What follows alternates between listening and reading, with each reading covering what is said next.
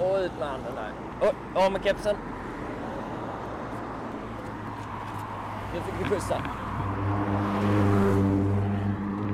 Hej, tack så jättemycket för att du stannade. Ja, vi var ute på äventyr. Jaha, jag är på väg till Åkersberga. Perfekt! Perfekt. Får jag, får jag lägga in den här väskan? Ja. Tjena, tjena. Fabian heter jag. Tack. Du lyssnar på Svår att döda med mig Hugo Anderholm och Fabian Sigurd. Fjärde avsnittet. Liftarkungen.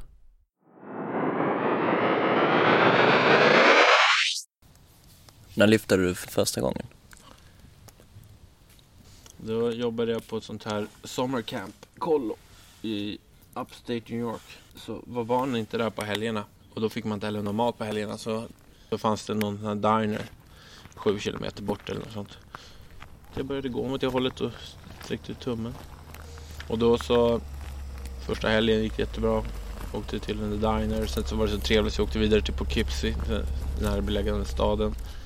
Och sen så nästa helg gjorde jag det också och då blev jag upplockad av en för detta crack dealer som hade precis eh, muckat från kåken och blivit frälst. Så när jag kom fram till den där diner då, restaurangen som jag hade tänkt att käka min brunch på, hade inte, var inte jag så jävla sugen på att gå av där liksom. För det här var ju skitintressant. Jag växte upp i Bromma och liksom. Man, man umgås i en ganska begränsad krets av människor. Det var alldeles för få crack dealers i min bekantskapskrets back in those days i alla fall. Så det tyckte jag var jättespännande och han var så himla trevlig och hade ett spännande liv. Så jag frågade honom vad han skulle och då skulle han till den där staden på Kipsi. Så då frågade han om jag fick åka med honom dit och det var ju inga problem. Så då sket jag i den där restaurangen och så åkte jag dit. Och för att göra en eh, lång historia kort så slutade det med att jag blev hembjuden att bo i New York City. Jag hade aldrig varit i New York City tidigare egentligen. Kände inte den stan på den tiden. Och då slutade det med att jag fick bo, hade ett eget rum på Fifth Avenue. Bottenvåningen gick man in i hissen. Då var det sån här doorman vars enda så här synliga uppgift var att trycka på hissknappen. Så åkte man upp och så kom man till sin våning då. Då öppnades hissen, hissdörren och man gled rakt in i lägenheten. Liksom. Det var, de hade hela våningsplanet. Extremt. Så när jag var färdig med, med den där kollot, slutade sommaren. Dealen med den där kollogrejen var att man, man åkte dit så betalade de biljetten dit och biljetten hem och så fick man pyttelite fickpengar när man var där. Men man kunde då beställa hembiljetten när man ville så man behövde liksom inte dra hem precis när kollot var slut. Och jag hade ju då satt den hembiljetten så sent det bara gick. Och eh, så jag reste runt, liftade runt i Kanada och Montreal, Toronto och, och runt och hade helt fantastiskt Quebec. Och sen så lyfte jag till New York och skulle vara bara några dagar kvar innan jag skulle åka hem med den där biljetten och mitt visum höll på att gå ut. Så hade jag lite dåligt med pengar. Jag hade köpt en cykel i New York så jag gled runt på en cykel men jag hade inga, hade nästan inga pengar kvar men jag ville ha kvar den där cykeln. Jag tänkte, äh, men vad fan jag slaggar väl ut den någon natt liksom. Det är inte mer än det. Och då hade, var jag, befann jag mig tydligen i Harlem. Och gick upp till en park där.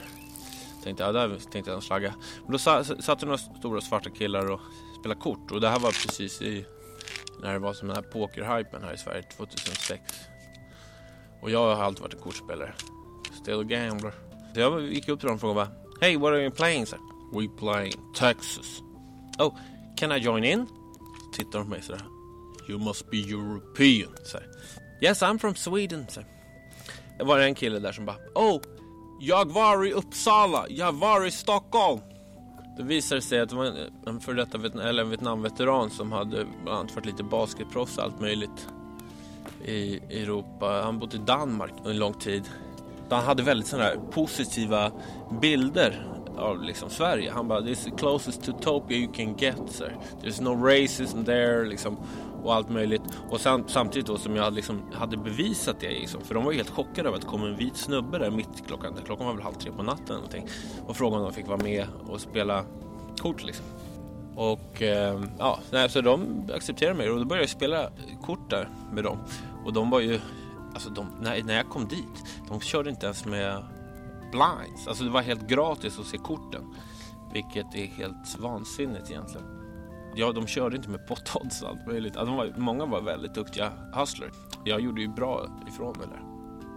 Så det slutade med att han där Vietnam Rob, att han gav mig ett erbjudande. Så här, you play for my money. If you win, we split 50-50. If, if you lose, I lose. I couldn't lose. Och då fick jag bo hos honom. Han bara, jag har sett upp. Så jag fick ett, han flyttade ut på soffan. Så jag fick ett eget rum där. Washington Heights, lite norr på Manhattan. Ja, så bodde jag hos honom och hade allt möjligt gratis där. Och sen så spelade vi då på olika shacks. Alltså för det var ju illegalt att spela i New York. Så då spelade man antingen i parkerna, vi hängde mycket mest i då i St. Nick's Park. Eh, men sen också på olika shacks då. Så man, vi hade egna, man bjöd in till spelkvällar då. Vi hade hostade egna spelkvällar. Och då var det ju så att huset tog ju liksom en rake. Alltså eh, avgift för varje hand som spelas 10 eh, Så de ville ju ha, ha dit folk liksom. Och de ville att folk skulle stanna så länge som möjligt. Och de där kunde ju gå och hålla på två dygn i rad. Ja, på de där shacksen då kunde man få gratis mat och gratis dricka och allting bara för folk ville hålla kvar den. De ville liksom inte att man skulle behöva lämna för att man var hungrig utan. Och i parkerna så här, då kunde man alltid, var, var man än var liksom, så kunde man få vad som helst. Det var alltid folk som var villiga att göra saker, hämta. Om man till exempel, ah, jag vill ha kinesisk mat liksom, då var det bara ah, okej. Okay kunde man, var det någon som ville ta på sig det uppdraget så åkte de och köpte kinesisk mat och sen så bara dricksade man den. Personen som hade åkt och hämtat det liksom. Eller om man vill köpa en läsk så var det någon som sålde det. JB, han sålde läsk. Han köpte sådana storpack på supermarkets. Och så sålde han det. Någon hade specialiserat sig på att sälja, köpa så choklad, alltså typ så här Snickers liksom i multipack. Sålde de för styck. Vissa var grymma kortspelare, vissa var grymma schackspelare. Det var mycket schack. Vissa var grymma på backgammon, fick, liksom- fick sina pengar på det. Så någon sålde tjejer, liksom hallickar street hustlers. Liksom. Det var ju bara så väldigt spännande för mig att var, befinna mig i den miljön. Jag hade ju aldrig... Och det var lite annorlunda. Jag bodde i Lund på den tiden. Det var lite annat än liksom, studentnationerna i Lund. så jag tänkte, vad fan, jag åker inte hem. Liksom. Jag sket ju ut av mig till det visa att jag stannade kvar där några månader. Det var så här, de hade, var sköna lirare i den där parken. För det var så här, du vet, det var snubbar med tyngd i liksom schyssta och, och liksom reko. Så det var liksom just den där parken som vi hängde, St. Nick's Park. Då var det sådär No guns in the park.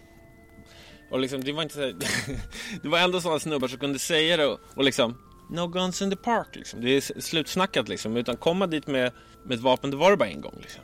Vi var ju bra vänner hela bunten där. Det var framförallt när Saigon Ra var ju han var ju liksom min, han är min amerikanska farsa som jag brukar säga. Och sen var det den andra Uh, Big Mike, Mousy, Building Bob, Johnny Angry. Ja, det var ju massa sköningar. JB. Ja, de flesta var äldre. Men sen var det uh, Danny. Danny Boy, han var, han var i min ålder. Han var väldigt duktig. Han var, han var liksom han var den bästa pokerspelaren innan jag kom dit i parken. Och jag hade någon sån där första kvällen när jag kom dit liksom du vet, jag började bli fett nojig för du vet, jag tog, I took the house liksom. Jag tog, eh, vann ju hela tiden. Och sen så, du vet, jag kom dit första jag kände dem inte ens. Och sen så, liksom så började jag, liksom, jag försökte lära dem hur de ska spela. Liksom, jag bara, men Danny, liksom, så här, du kan inte, alltså, du måste ha minst par i S och good kicker, king kicker liksom, om du ska syna mig nu liksom. Och så syna, det var en sån här jättestörsta handen den kvällen liksom. Jag bara, men fan du måste ha något. Och så hade han ju ingenting. Och jag bara, men jag told you liksom. De, de trodde ju bara att jag satt och du vet trash-talka typ. Så det var ju bara ännu mer respekt. Men jag började bli lite nojig liksom. Jag har ju snott hela parkens pengar och jag har liksom kommit dit. det var aldrig något knas egentligen. Det var, det var några gånger när man åkte, man kanske åkte till Bronx eller någonting och där kände ju inte folk än. Jag vet, jag var på en sån här, ett käk liksom. Det var tre stora bord och så det var jävligt trångt liksom. Så jag försökte komma in mellan två bord för jag hade blivit anvisad en plats på ett ställe. Och då var det någon, antagligen någon som hade torskat en jävla massa pengar du vet och som inte var på så bra humör liksom. Så bara vägrade flytta på sig. Det kom en vit snubbe här som inte visste vem jag var. Och han, han vägrade flytta på sig. Men då, då hör man från andra sidan rummet liksom. Då ser man Big Mike liksom. Han sitter, aldrig, han sitter alltid med, med ryggen mot väggen liksom. Han tar han, drar han upp drar han upp sin tröja eller vad han hade så här. Sitter han med pistolen i linjen. Han bara Hey, that's my man Carl var på den där killen som vägrade flytta på. Is that your man? Would you take a beat? I would take a beat. Och då var det liksom, då, det var aldrig med någon tjafs där. Han flyttade på sig, jag gick in. Och då visste ju alla, du vet, då gick ju snacket fort. För det var ju liksom, ja oh, den där vita snubben, vem är han, vem är han? Alla undrade ju liksom. Och så bara hade den där Big Mike med pistolen i linningen liksom sagt det där inför alla. Så snacket gick ju fort. För det var ju så fort det var klart att så fort man dök upp någonstans på en käk så bara Who's that guy? Liksom, the white guy liksom. Snacket gick ju och det där gjorde inte saken sämre så jag var ju så jävla safe där alltså. Ja, till slut så hade jag stannat där för länge kan man väl säga. Alltså det blev en incident med den där Rob. Vi hade åkt till Atlantic City och eh, spelat. Det är Atlantic City, liksom östkusten, Las Vegas. Då hade vi åkt dit tillsammans så skulle vi åka hem tillsammans. Så jag hade, vi hade fått 1000 dollar var att spela för. Jag hade spelat mina 1000 dollar så hade jag, ah, jag hade precis åkt ut i alldeles Men jag hade i alla fall, jag hade gått plus minus noll. Så jag bara, men kom igen nu drar vi liksom. Nej, då skulle ju, och då har vi typ varit där ett och ett halvt dygn liksom utan sömn. och eh, då så gav jag mina pengar till, till Rob och sen så bara, men kom igen nu drar vi liksom. Och sen så drog jag hem till New York i Harlem men sen kom han efteråt och då frågade jag hur gick det och då hade han ju spelat bort alla pengar, även de pengarna som jag hade haft. Och då förebrådde jag honom för det på något sätt. Och för jag tyckte att det var slösaktigt. Liksom, vi kunde ju tjäna mycket bättre pengar i Harlem än, liksom, på det där Atlantic City mot kasinot. Han satt, ja. Men i vilket fall som helst, det var ju, hade ju inte jag någon jävla rätt att göra. Liksom. Jag var en liten snorunge egentligen. Alltså, jag, det var ju hans pengar på. Ja, men det är just när man har torskat någonting då är man extra känslig. Då vill man inte, man inte riktigt, han, han, det var ju mycket pengar för honom liksom. Så han var väl inte så mottaglig för kritik eller Men då började det bli lite grinigt så här. Och den där stackaren han hade slagit på soffan fram och liksom. Äh, då kände jag att det var, fall, det var väl läge att, bli, att dra. Så. Ja, då, några, någon vecka senare så, så åkte jag hem till. Ja, inte till Sverige men till Europa i alla fall. Tyskland. Till Sverige.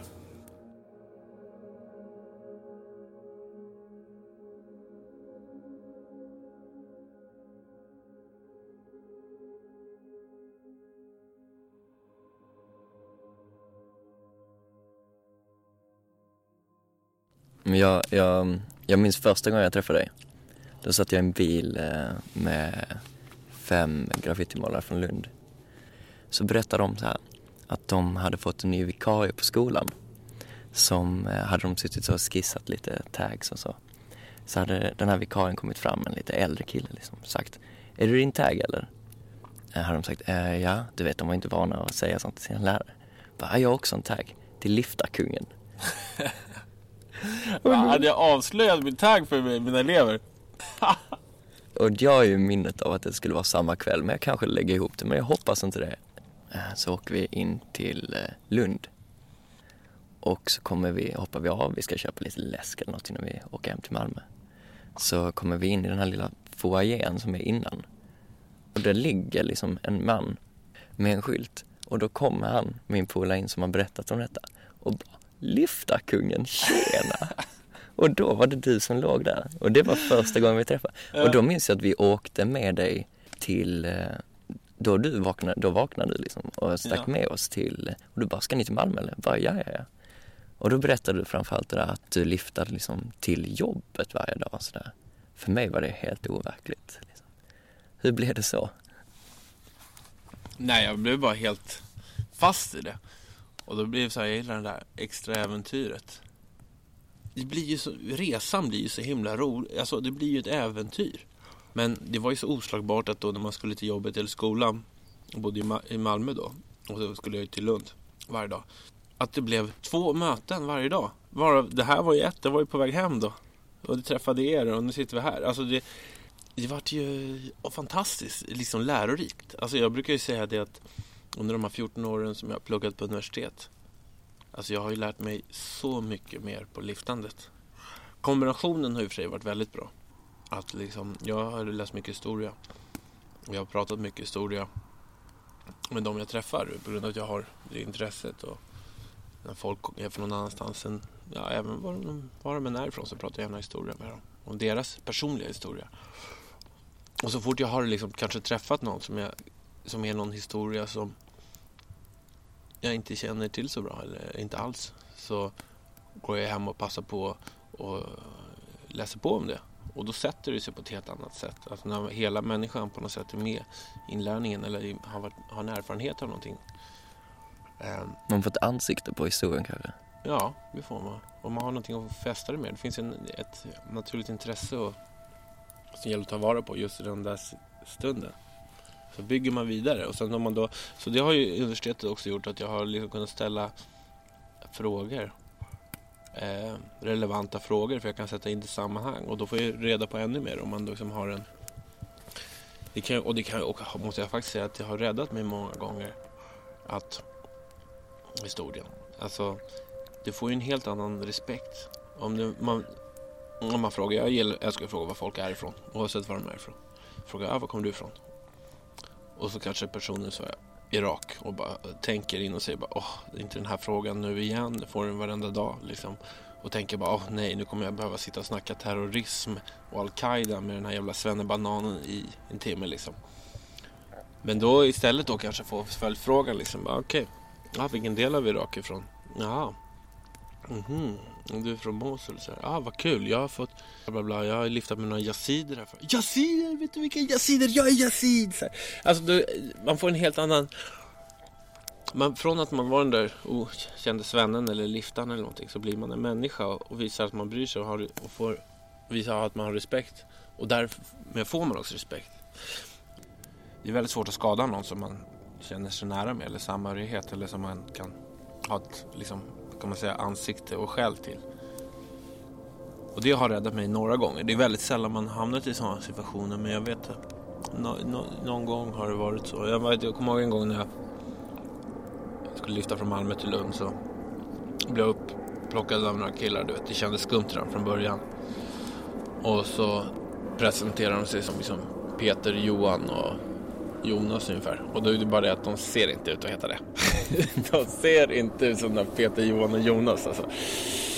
Man presenterar sig inte med under falskt namn om det inte är något skumt i görningen. Så då, bam, satte jag igång och började fundera på. Jag hade listat ut att de var från, de var någonstans från Balkan. Så då började jag fiska lite. Så började jag snacka om lite så här, om Kosovo. Kosovos historia, då var de bara Och vad vet du om Kosovos historia? Ja. Ja, jag visste ju liksom mer än vad de visste på, på ett sätt. Och då var det ju en helt annan ljud i skällan liksom. Så slutar det med, ja de skjutsade mig inte till Lund. de skulle ju inte till Lund, det skulle de inte. Men det slutade med att de släppte av mig i Rosengård i alla fall. Som vänner liksom. De var skitglada för att jag kunde berätta för dem om deras om alltså deras etniska bakgrundshistoria eller vad man ska säga. De, hade säkert, de var säkert födda i Sverige eller ja, de kunde inte sin historia i alla fall. Nej, så det var en sån där tillfälle det var väldigt bra med historia. Hur gick det till när du bestämde dig att så här, ja, men jag ska inte bara lyfta en gång eller två gånger eller sådär utan jag ska göra det lite mer som en livsstil? Ja, det var ju i samband med att jag fick såna här otroliga fantastiska upplevelser. Och då var det ju bara, oj det här är ju överlägset sättet att lyfta på, eller resa på. Och det tycker jag fortfarande. Jag har ju provat på ibland när jag hade min förra tjej och då gjorde vi lite, ja, gjorde några fantastiska resor. Men när vi alltså, bara åker till en stad och bor på ett eh, vandrarhem eller hyr någon lägenhet eller någonting. Alltså det är helt annat. Alltså man, nej, man kommer ju, det är, det är som skrapa på ytan. Man ser ju egentligen ingenting. Ja, man ser lite saker men man träffar ju inte människorna. Man, kommer inte, man blir inte hembjuden sådär.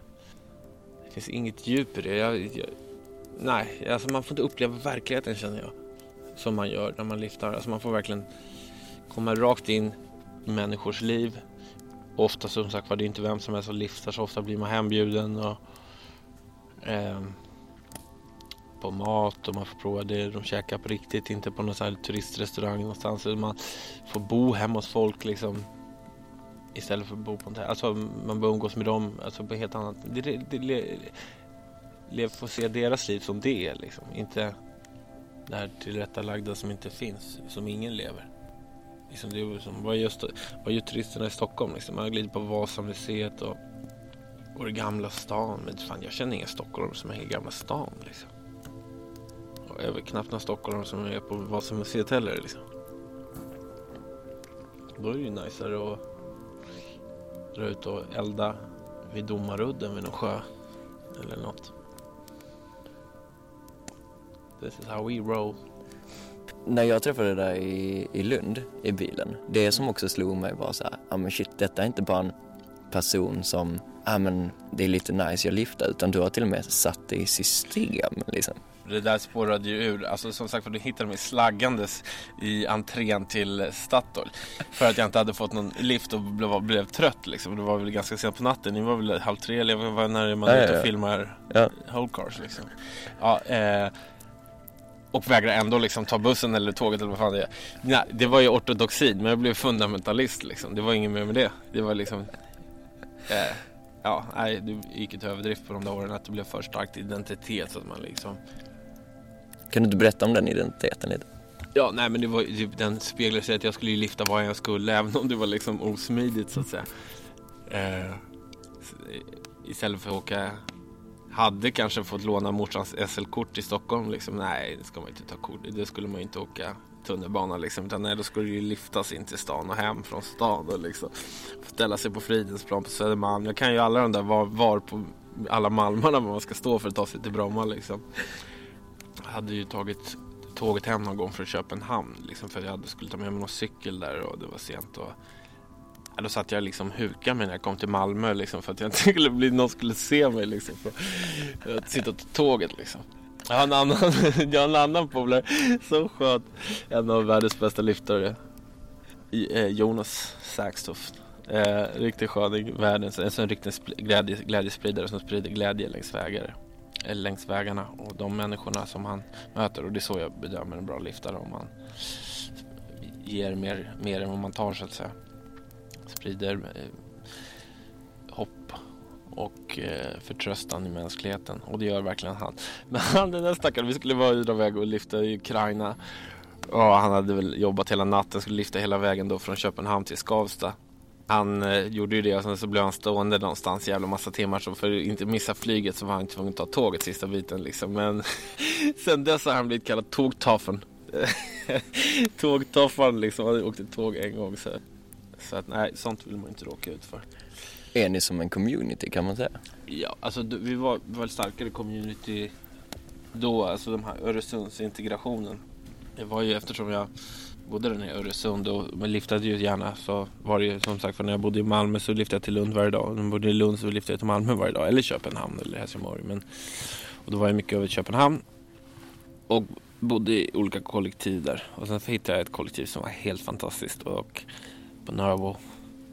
Eh, och då så var det, och det var också såna här fantastiska glädjespridare och som var, började lyfta, de lyftade också en del.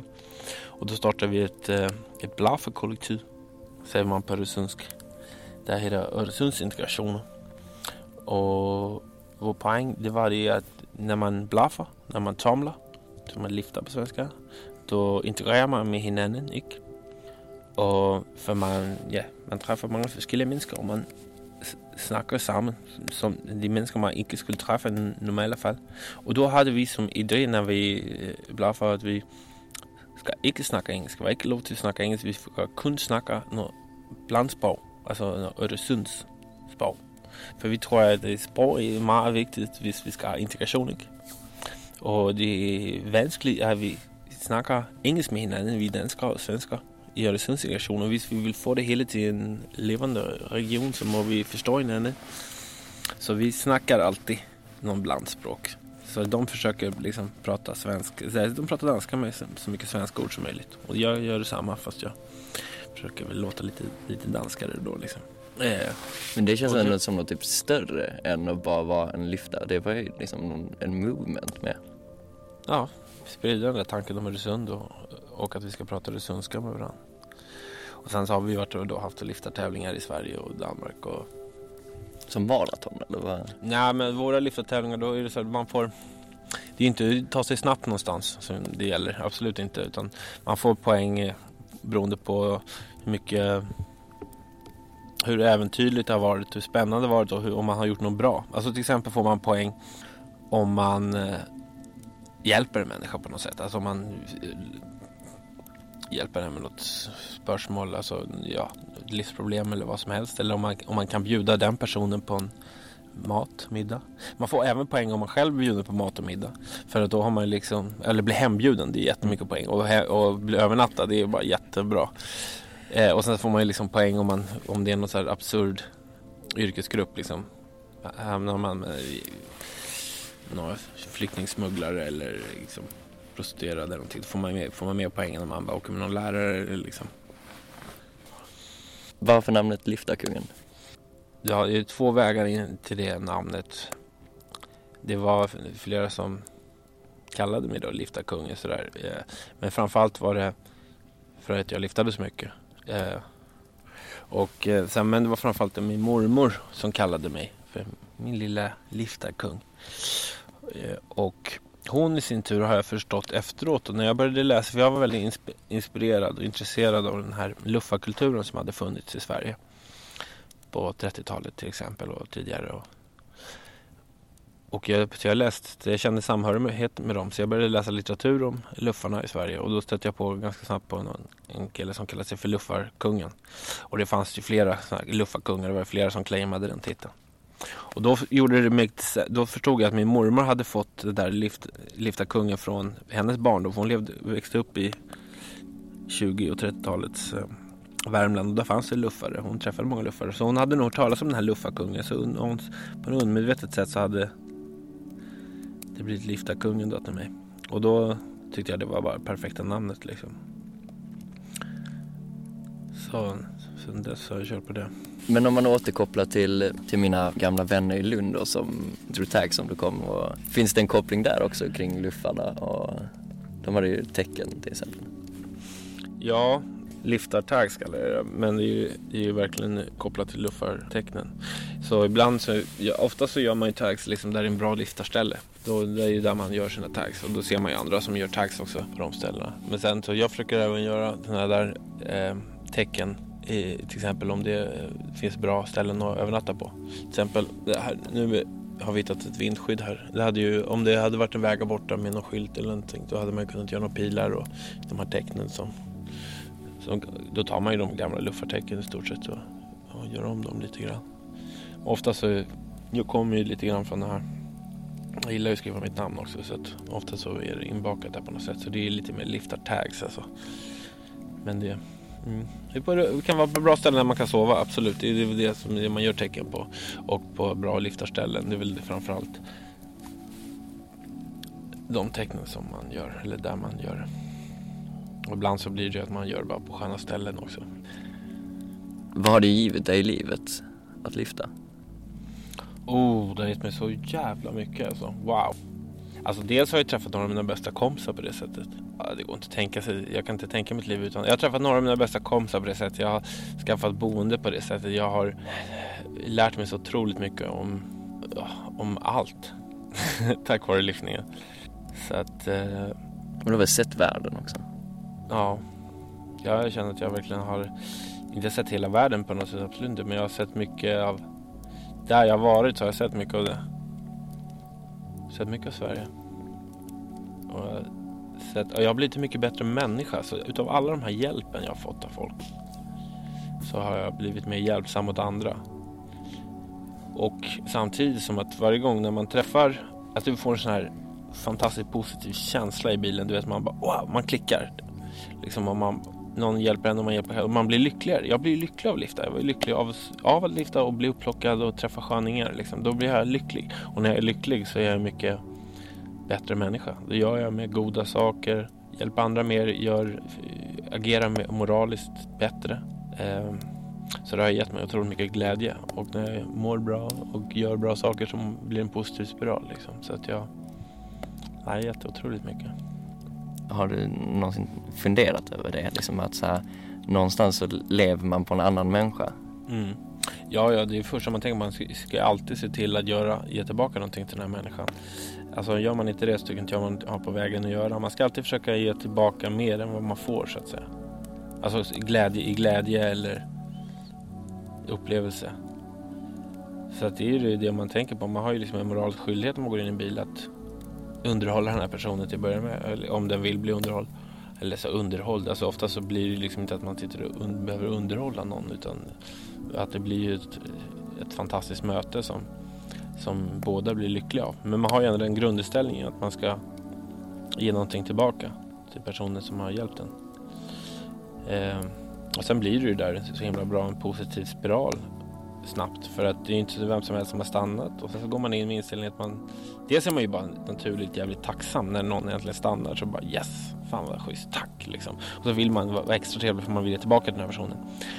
Och sen är det ju en, en fantastisk miljö, den bilen. Alltså, för det är egentligen hemma hos någon person egentligen i stort sett. Den är ju trygg miljö, den är väldigt trygg. Liksom. Så är den hemma hos den. Och sen så är man på resande fot och det är också väldigt bra att när man kör. Alltså, det är väldigt meditativt. Att man behöver titta, titta på varandra lite, man kan titta på vägen. Det är väldigt bra för samtalsklimatet. Och samtidigt då när man då skapar den här positiva miljön och som blir, förstärker varandra så blir det ju att skydds ens psykologiska försvarsmekanismer sätts ur spel för att man om man känner sig hotad och rädd då är man ju liksom, stänger man in sig. Men om man är glad och positiv då öppnar man ju upp sig. Så att det blir en sån otroligt bra forum för integration. Sann integration. Man kan ta till sig andra perspektiv.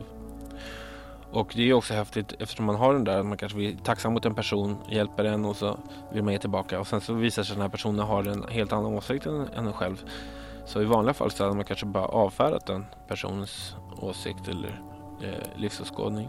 Men nu har man ju på något sätt en skyldighet att lyssna på det här och ta till sig det. Och man vet, vet ju dessutom att den här personen har redan gjort något positivt för dig. Så att du är liksom mottaglig på ett annat sätt. Så att eh, det är jättegivande. Man lyfter med rasister eller sverigedemokrater. Liksom jag, jag, jag är nationalist själv. Så jag hatar ju de här jävla Sverigedemokraterna som håller på att pajar allt som har med Sverige och min nationalism att göra. Liksom. För jag tycker att Sverige är ett välutvecklat och eh, tolerant eh, samhälle. Liksom, och, eh, generöst och liksom, ja, du vet. Jag tycker bara det är jävla och välutbildat och de jävla fånarna liksom. Som, rasistiskt intoleranta fånarna förstör ju min Sverigebild så att säga. Mm. Men om jag då har, har lyft med de här Sverigedemokraterna så har jag liksom kanske förstått deras perspektiv och jag har inte liksom i vanliga fall så hade jag bara bett om det åt helvete om jag träffar dem på en fest eller någonting. Men nu har jag lyssnat på dem och förstår dem och kan vara allt möjligt fundamentalistiska, ja, whatever liksom, ultrarepublikaner liksom, vapenförespråkare och sånt där. Alltså, då, har jag fått en helt annan förståelse för deras perspektiv vilket jag inte hade gett mig möjligheten och chansen till i ett annat sammanhang för då hade jag varit stängd liksom redan från början och då går det inte att ta till sig någon jävla ny kunskap om man är stängd. Så det, det är därför tycker jag det är fantastiskt med liftning att man integrerar över dem eh, utanför de här eh, ens vanliga sociala sammanhang som i, i de flestas fall är extremt begränsat. Du har dina släktingar, du kanske har dina kompisar, du har kanske några kollegor eller kursare. Men alltså, det är en väldigt liten del av samhället oftast. Så därför är det så fantastiskt att möta folk från helt andra, helt andra delar av samhället under sådana positiva former. För jag tror att när en person stannar för en så vet de ingenting om en. Och man blir lite som en representant för mänskligheten, så jag, tänker jag.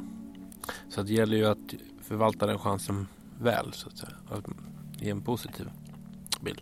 För rädslan är ju någonting som jag känner är viktigt att kämpa mot. Det finns alldeles för mycket rädsla i det här samhället. Och det är ju, eh, Sverigedemokraterna är ju delvis det. Det är ju folk som är left behind liksom. Det är ju folk som inte hänger med i svängarna som förlorar på något sätt i utvecklingen i samhällsförändringar. Ska du fortsätta leva ett liftarliv för alltid? Precis som när man liftar så är det ju... Jag tycker inte det är inget bra att veta destinationen på förhand helst. För då låser man sig. Och då missar man alla roliga grejer på vägen om man bara vill ta sig fram till målet. Men det är bra att ha en riktning. Men eh, ja, så jag vet inte om jag kommer lifta hela mitt liv. Det har jag, har jag ingen aning om. Men jag älskar liftning just nu fortfarande jag drömmer just nu om att lyfta med mina framtida barn som jag hoppas jag får.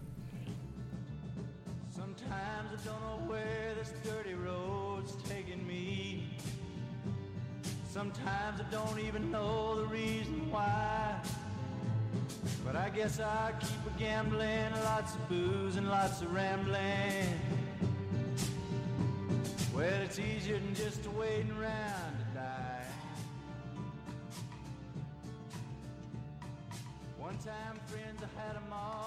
Du hörde precis Liftarkungen bli intervjuad av Fabian Sigurd i Svår att döda. Följ oss gärna på Facebook och på vår hemsida svåratdöda.se. Tack för att ni lyssnade.